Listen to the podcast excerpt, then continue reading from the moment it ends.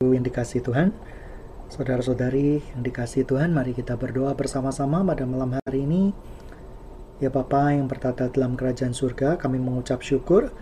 Kami rindu Tuhan mendengarkan kebenaran firman-Mu dan biarkan kebenaran firman-Mu memerdekakan kami semua. Dalam nama Tuhan Yesus Kristus, kami mau berdoa dan mengucap syukur. Haleluya. Amin. Bapak, Ibu, saudara-saudari yang dikasih Tuhan, Malam hari ini saya mau berbicara tentang sebuah tema yaitu berburuk sangka. Nah, tahukah Bapak Ibu dan saudara-saudari yang dikasihi Tuhan, begitu banyak orang yang masuk di dalam prasangka-prasangka buruk tanpa menyelidiki dulu kebenarannya, berpersepsi menurut pikiran kita, yang belum tentu pikiran kita adalah pikiran yang benar dan baik. Dan banyak Eh, ikatan-ikatan uh, persaudaraan hancur dengan prasangka buruk, banyak ikatan-ikatan kekeluargaan hancur karena prasangka buruk, banyak ikatan-ikatan bisnis yang juga hancur karena ikatan prasangka-prasangka buruk. Dan prasangka-prasangka buruk ini sering kali melanda anak-anak Tuhan. Tanpa menyelidiki kebenarannya dulu, kita langsung mengambil sebuah kesimpulan. Apa pun salah menurut kita apa pun tidak baik menurut kita. Nah, prasangka buruk ini akan menghilangkan berkat-berkat Tuhan yang seharusnya terjadi di dalam hidup kita. Contoh, kita berprasangka ada orang yang menawarkan bantuan. Berhati-hati boleh. Sekali lagi, sekarang banyak penipuan. Ada orang yang menawarkan bantuan ternyata menipu. Tetapi berprasangka buruk berbeda dengan berhati-hati berprasangka buruk adalah mengambil sebuah kesimpulan bahwa segala sesuatunya itu pasti salah. Segala sesuatunya ini pasti bohong. Segala sesuatunya pasti dusta. Nah, ketika kita terus-menerus tinggal di dalam prasangka buruk kita, hidup kita ini tidak akan aman. Seperti itu. Ada orang sakit. Oh, temanku sakit gara-gara mendengarkan cerita yang buruk temanku uh, tidak enak badan karena gara-gara kemarin uh, bertemu dengan orang tidak enak. Kita mengambil kesimpulan, kita belum bertanya terlebih dahulu. Tetapi kita suka mengambil kesimpulan terhadap segala sesuatu yang sebenarnya bukan seperti itu. Dan celakanya lagi ketika prasangka buruk ini menjadi bagian di dalam kepribadian kita kita menjadi orang yang susah untuk benar-benar mengerti kerinduan Tuhan di dalam kehidupan kita. Contoh, ada orang yang sedang bertemu di dalam sebuah pertemuan. 90% orang yang pikirannya jernih, pikirannya baik, mengambil kesimpulan A. Tetapi untuk orang-orang yang suka berprasangka buruk, dia akan mengambil kesimpulan yang B, yang berbeda dengan pemikiran kebanyakan orang. Oleh karena itu, prasangka buruk ini tidak akan menjadi berkat buat dirinya dan tidak akan bisa menjadi berkat bagi orang lain. Di dalam kitab Kejadian 32 ayat 11 dikatakan lepaskan kiranya aku dari tangan kakakku dari tangan Esau sebab aku takut kepadanya. Jangan-jangan ia datang membunuh aku juga ibu ibu dengan anak-anaknya. Padahal kakak daripada Esau ini ya seperti itu hendak berbaikan. Nah, tetapi apa yang terjadi? Permasalahannya, prasangka buruk ini sudah mendominasi. Ketika Yakub dengan saudaranya, dengan uh, apa ya? Yakub ketika dia mengambil hak kesulungan, apa yang terjadi? Dia sudah berprasangka buruk ketika kakaknya akan membunuh dia, akan menghancurkan dia. Dan apa yang terjadi? Prasangka-prasangka buruk ini betul-betul mengacau balokkan berkat-berkat yang seharusnya terjadi di dalam kehidupan kita, membuat kita tinggal di dalam rasa tidak aman terus-menerus. Berapa banyak orang yang hidupnya di dalam ketakutan terus-menerus. Prasangka buruk ini muncul karena apa sih? Biasanya muncul pertama karena ketakutan. Kita pernah buat salah. Karena kita punya pengalaman-pengalaman traumatik di masa lalu. Oleh karena itu berprasangka buruk. Ada orang yang pernah mengalami traumatik ditipu orang. Oleh karena itu dia menganggap semua orang itu penipu. Nah, dia punya pengalaman traumatik mungkin dilukai oleh seorang hamba Tuhan, dilukai oleh seorang gembala sidang. Lalu dia menganggap bahwa semua gembala sidang itu adalah sama. Semua pendeta itu adalah sama.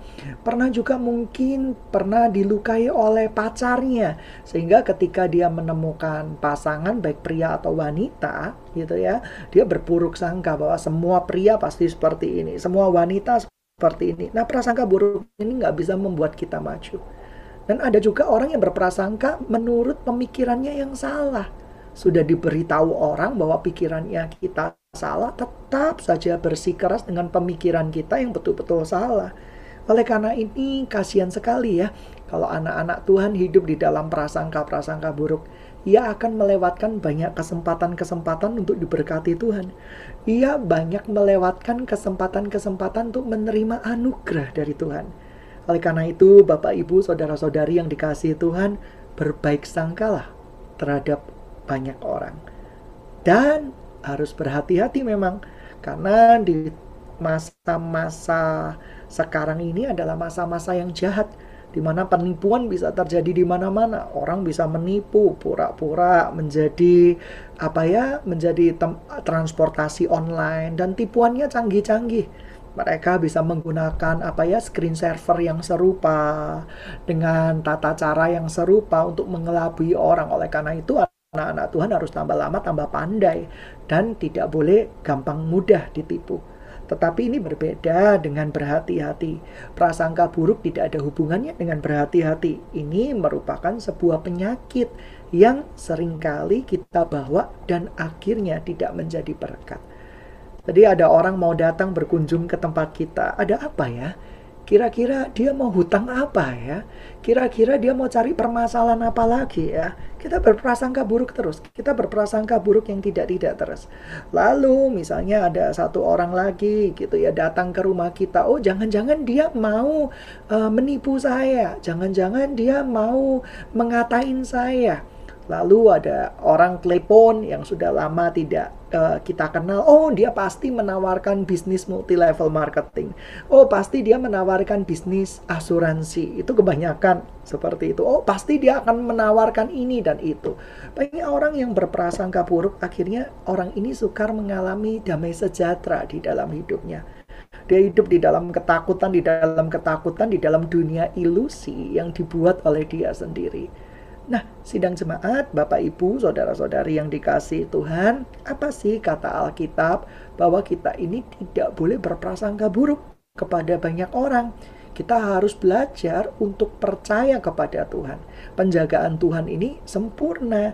Oleh karena itu kita belajar mengasihi Tuhan Allah kita dengan segenap hati kita dan mengasihi sesama manusia seperti kita mengasihi diri kita sendiri. Hindarkan prasangka-prasangka buruk di dalam kehidupan kita karena banyak orang yang mempunyai prasangka buruk, hidupnya ini tidak berakhir dengan baik. Selalu sepanjang kehidupannya berburuk sangka. Selalu di dalam sepanjang waktu dia negatif thinking. Biasanya orang-orang ini pernah mengalami trauma. Yang kedua pernah mengalami luka hati. Yang ketiga pernah mengalami sebuah apa ya, sebuah peristiwa di masa kecilnya yang membuat dia betul-betul uh, mengalami trauma kembali. Nah, Bapak Ibu yang dikasih Tuhan, mari kita belajar bersama-sama untuk mengerti bahwa prasangka-prasangka buruk itu tidak mendatangkan kebaikan apa pun di dalam kehidupan kita. Dan bahkan melukai sesama tubuh Kristus, bahkan melukai saudara seiman. Yang tadinya niat nolong kita, niat mendoakan kita malah dipikir buruk, dipikir yang tidak-tidak ketika ada orang yang mau datang kepada kita, mau mendoakan kita, kita langsung berpikir jangan-jangan hutang, jangan-jangan seperti ini, ketakutan demi ketakutan. Tapi di dalam Kristus Yesus, kasih itu mengalahkan segala ketakutan. Kasih itu mengalahkan segala kebimbangan. Kasih itu mengalahkan segala yang jahat. Kalau kita memiliki kasih, kasih itu juga bisa menutupi banyak dosa dan pelanggaran. Jadi Bapak Ibu saudara-saudari yang dikasihi Tuhan malam hari ini Rema yang saya dapat saya berbicara tentang kekuat uh, tentang prasangka buruk. Belajar untuk percaya kepada Tuhan. belajar untuk tidak berburuk sangka terhadap orang lain. Yang pertama apa yang harus dilakukan? Berdamai dulu dengan Tuhan. Seringkali bukan hanya dengan orang loh, dengan Tuhan sendiri kita berburuk sangka. Kita berburuk sangka bahwa semua kejadian-kejadian yang Tuhan izinkan terjadi di dalam hidup kita karena kita ini buruk, kita pantas dihukum, karena kita ini tidak disayang Tuhan. Dan kita ini berburuk sangka sedemikian rupa sehingga kita tidak bisa mengerti rencana Tuhan di dalam kehidupan kita. Apa yang harus kita lakukan? Yang pertama berdamai dengan Tuhan. Karena rancangan Tuhan itu yang rancangan terbaik di dalam kehidupan kita jauh daripada apa yang pernah kita pikirkan. Tuhan melatih kita untuk menjadi seorang pemenang. Tuhan tidak membuat kita menjadi seseorang yang gali lubang, tutup lubang terhadap masalah. Ada masalah digali, ya kan? Di uh, ada masalah dia yang tidak menyelesaikannya, tetapi menutup lubang.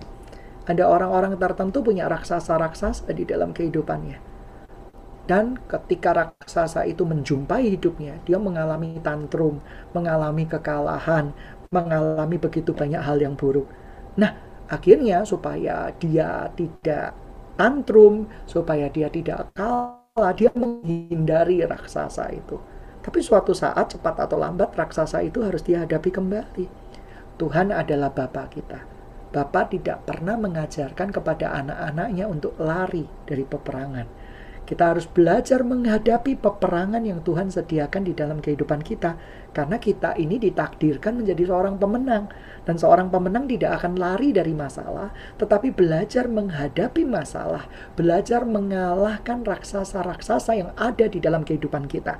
Sebab kalau kita tidak mengalahkan raksasa-raksasa di dalam kehidupan kita, kabur terus, walaupun uh, kelihatannya baik di dalam kehidupan kita, ketika kita kabur dari masalah, biasanya kan kita baik lebih baik, kita bisa happy lagi, kita bisa ceria lagi. Tetapi suatu saat pun kita akan harus menghadapi raksasa yang sama. Oleh karena itu kita belajar hadapi raksasa-raksasa di dalam kehidupan kita dan kita memenangkannya. Supaya apa? Supaya kita bisa mengalami yang namanya kenaikan level di dalam kehidupan kita. Bapak Ibu yang dikasih Tuhan, Malam hari ini saya tidak akan membagikan kebenaran firman Tuhan lebih pan, uh, lebih panjang daripada volume-volume sebelumnya. Karena ada rema di dalam hati saya yang saya percaya pada malam hari ini Tuhan mau bekerja untuk umat yang dikasihnya. Tuhan tidak bisa kita perintah. Tuhan bukanlah pembantu kita. Dia adalah Tuhan Segala pujian, hormat, kemuliaan hanya bagi Tuhan. Tetapi saya percaya ada kerinduan Tuhan untuk menjama umatnya. Ada kerinduan Tuhan untuk orang yang letih, lesu, berbeban berat pada malam hari ini. Tuhan akan memberikan kelegaan kepadamu. Tuhan akan memberikan pertolongan kepadamu. Tuhan akan memberikan kekuatan kepadamu. Tuhan berkata, Mari yang letih lesu berbeban berat datanglah kepadaku, aku akan memberikan kelegaan kepadamu. Nah, Bapak Ibu yang mengalami letih lesu berbeban berat, mungkin hidupmu penuh dengan pikiran buruk, prasangka buruk, hal-hal yang tidak baik. Ayo datang kepada Tuhan malam hari ini. Apa pun pergumulanmu. Yang kedua, kalau Anda punya sakit penyakit, permasalahan, ayo datang sama Tuhan. Iblis selalu mengintimidasi pikiran kita. Iblis selalu berkata, kamu sering banget minta bantuan doa.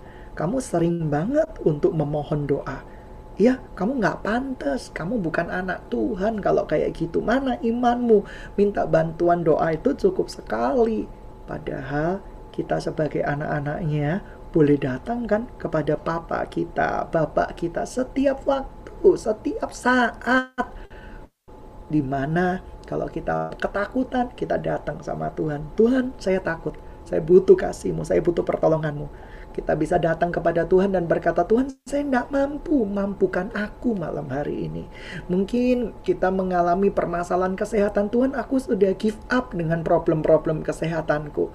Tapi aku mau datang padamu pada malam hari ini, memohon belas kasihanmu. Kita adalah anak-anak Tuhan. Yang bukan anak-anaknya pun Tuhan punya kasih kok. Apalagi yang disebut dengan anak-anak kepunyaan Tuhan. Terlebih diri kita yang demikian indah di hadapan Tuhan. Oleh karena itu Bapak Ibu yang dikasihi Tuhan, saya percaya malam hari ini akan ada berita sukacita buat hidup Anda. Akan ada kemenangan buat hidup Anda. Akan ada pemulihan buat hidup Anda. Akan ada terobosan-terobosan yang luar biasa di dalam hidup Anda. Bapak Ibu yang dikasih Tuhan, saya percaya Tuhan memberikan sesuatu di hati saya. Dan malam hari ini akan ada orang yang akan mengenal kasih Tuhan. Akan ada orang yang akan mengenal kebaikan-kebaikan Tuhan dan bagi Bapak Ibu yang pernah mengalami kepahitan di dalam kehidupan Bapak Ibu, hari ini datang sama Tuhan. Karena kepahitan itu menimbulkan luka.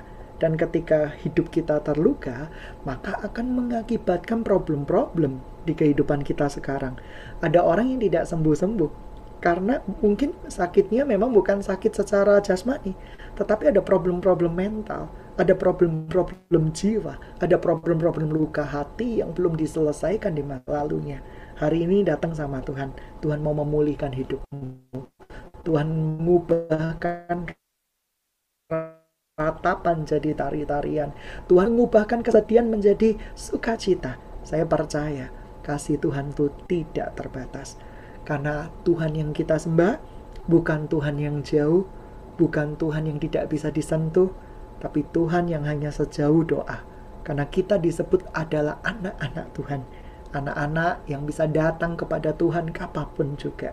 Ketika kita berbuat salah, datang sama Tuhan. Akui di hadapan Tuhan, sebab ia yang memelihara jiwa kita. Ia yang memulihkan jiwa kita. Kalau hidup kita penuh dengan ketakutan, ya banyak orang yang punya mengalami gejala psikosomatis ya sesak dikit aduh jangan-jangan ada jantung ya uh, perut kembung dikit aduh jangan-jangan ini sakit apa ini ya kanker atau apa ya nanti ada apa-apa dikit sudah pikirannya ke mana-mana. Datang sama Tuhan bilang hari ini Tuhan aku takut aku tidak berdaya tetapi di tanganmu Tuhan aku kuat di tanganmu Tuhan Yesus aku akan kuat kembali tujuh kali orang benar jatuh tujuh kali juga dia akan bangun dan tangan Tuhan akan menopang tangannya dan tidak akan membiarkan orang benar itu tergeletak. Datang sama Tuhan, jangan datang kepada yang lain, datang kepada Tuhan malam hari ini. Akan ada pemulihan, ada berita sukacita yang besar buat Anda semua. Dan tepat pada malam hari ini, saya percaya ada satu orang yang akan dipulihkan luar biasa. Anda mengalami permasalahan-permasalahan yang begitu berat bertubi-tubi di dalam hidup Anda. Tetapi malam hari ini Anda tahu bahwa apa yang disampaikan ini sebenarnya ditujukan untuk Anda. Dan Anda akan mengalami pemulihan, Anda akan mengalami kemenangan sesuatu yang besar di dalam kehidupan Anda. Ada satu lagi orang yang mungkin pada siaran hari ini Anda mendengarkan berita kebenaran firman Tuhan pada malam hari ini anda mengalami begitu banyak ikatan. Bahkan dari kecil Anda pernah mengalami ikatan-ikatan. Anda seorang penipu, Anda seorang pembohong, tapi Anda sebenarnya tidak suka karakter penipu dan pembohong ini. Tapi Anda kembangkan terus karena supaya Anda bisa diterima. Hari ini Tuhan mau ubahkan hidup Anda. Percaya kepada Tuhan Yesus karena Dia satu-satunya jawaban. Dia Alfa dan Omega, Dia awal dan akhir. Dia tidak berkesudahan. Dia adalah Tuhan yang kekal sekarang sampai selama-lamanya. Dan saya percaya dan saya mau berdoa buat orang-orang yang mendengarkan berita firman Tuhan hari ini. Anda perlu kasih Tuhan. Mari kita berbaik sangka dengan Tuhan. Karena apa? Tuhan tidak akan pernah merencanakan hal-hal yang buruk kepada anak-anaknya. Rancangan Tuhan adalah rancangan yang terbaik, rancangan Tuhan adalah rancangan yang terindah. Mari hidup kita bergantung penuh sama Tuhan, bukan bergantung penuh kepada situasi, bukan bergantung penuh kepada uh, sekeliling kita, bagi teman-teman kita, keuangan kita. Mari kita bergantung penuh sama Tuhan. Hanya orang yang melekat kepada Bapaknya yang akan mendapat pemulihan. Hanya hatinya orang yang melekat kepada Bapaknya akan mengalami terobosan. Mungkin Anda pernah mengalami begitu banyak kejadian yang buruk di hidup Anda yang sebelumnya. Tetapi Tuhan selalu merencanakan masa depan yang penuh kemenangan. Sebetapa buruknya halaman-halaman kehidupanmu di masa lampau, selalu ada halaman putih yang siap diisi, yang siap Tuhan pulihkan. Saya percaya semua semua orang sucinya Tuhan, semua orang kudusnya Tuhan, semua orang para rasul, semua punya masa lalu juga. Sehebat-hebatnya seorang hamba Tuhan, dia punya masa lalu juga. Tapi seburuk-buruknya seorang penjahat, dia pasti punya masa depan juga.